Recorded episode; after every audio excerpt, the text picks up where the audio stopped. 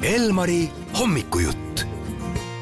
aeg rääkida meil Eesti absoluutse eh, tipplendajaga ehk siis eh, lennuspetsialist eh, Eero Pärgmäe lennujaamast, tere hommikust, Eero! tere hommikust, jah, ma olen teil siin igahooajaline lennukorrespondent ja reisikorrespondent.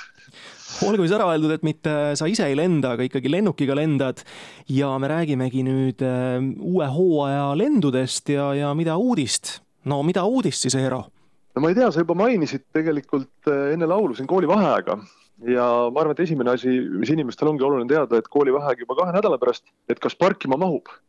ja spetsiaalselt selleks koolivaheajaks me tegime park, parkla laienduse, tegime nelisada kohta juurde sinna Ülemiste hotelli taha.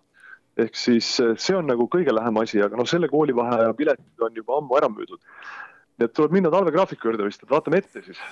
aga hakkame ette vaatama, mida toredat te pakute, kuhu saab uute sihtkohtadena Tallinnast lennata? talvegraafik saab meil olema tõesti väga tihe, meil on nelikümmend sihtkohta kokku müügis, meil on üldse kõige rohkem pileteid müügis talveks terves ajaloos. noh, mitte kunagi ei ole müügis, on üks koma kuus miljonit piletit on, on talveks müügis.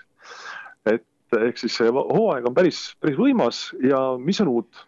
uut on see, et meil tulevad regulaarlennud, ma alustan soojast maast, on ju. et Las Palmas ja Tenerife, kes tahavad soojale maale lennata, meil jätkuvad lennud äh, talvel ka Ateenasse ja Antalyasse. ja päris paljud eestlased, kas käivad ise või neil on sõbrad seal kuskil Malaga kandis. ja nüüd esimest aastat on meil ka terve talve on lennud Malagasse. ehk siis saab kas ise puhkama minna või, või juba sõpradele külla minna sinna ja talvel on ju teine pool ka, et üks on see soojamaa pool ja siis teine pool on see suusatamise pool. Ja, ja suusatamise poolt meil tuleb uue sihtkohana juurde Genf ja kokku on siis pakkuda kaheksa suusareisi sihtkohta Tallinnast, nii et valikut on nii soojamaa sõpradele kui ka suusasõpradele. aga ütle siis, too välja midagi sellist erilist, mida sa ise soovitad raadiokuulajale talviseks puhkuseks, ära ütle Tai või, või mõni Egiptuse paik või Tenerife, et need on juba meile hästi teada-tunda siin Eesti inimesele, et midagi erilist, mis sa tooksid välja?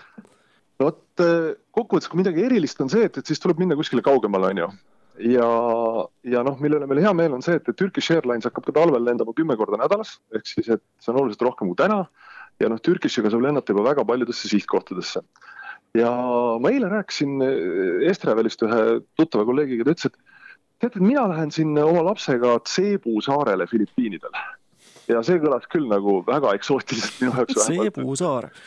jah, et, et võib-olla võiks sellise asja peale mõelda tõesti, et, et ma ise ei ole käinud, peab kaardi pealt järgi vaatama, kus see asub aga ühesõnaga eksootilisi kohti on maailmas palju ja eestlased tegelikult aasta jooksul tahavad lennata üle tuhandesse lennujaama maailmas.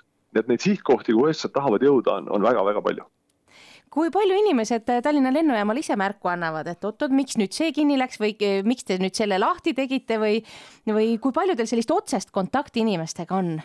Eks seda tagasisidet tuleb muidugi palju, tuleb läbi meedia, tuleb otse ja noh, lõpuks ikkagi liine avavad ja sulgevad lennufirmad.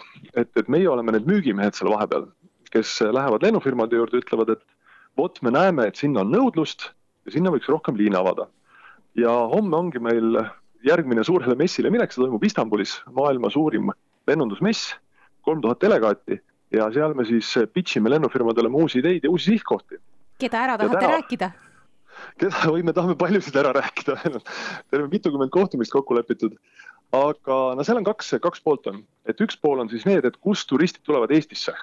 ehk siis Eesti turismisektori toetamine ja arendamine, seal on suured turud muidugi, Saksamaa, Ühendkuningriik, Prantsusmaa, noh, kust me tahame selgelt ühendusi juurde. ja Prantsusmaa osas ongi hea uudis muide, meil tuleb järgmisest suvest täiesti uus lennufirma.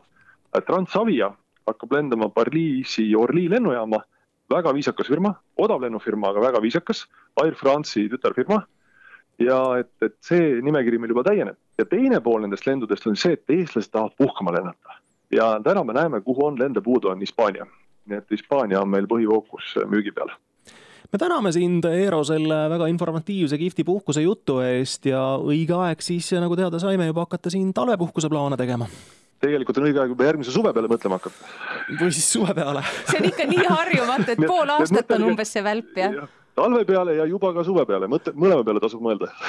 hüva, aitäh sulle, hea koolivend Eero Pärgmäe. Ja eks me räägime jälle seniks aga mõnusat sügishooaega ja seal messil ka siis edukaid läbirääkimisi. suured tänud, teile kõike paremat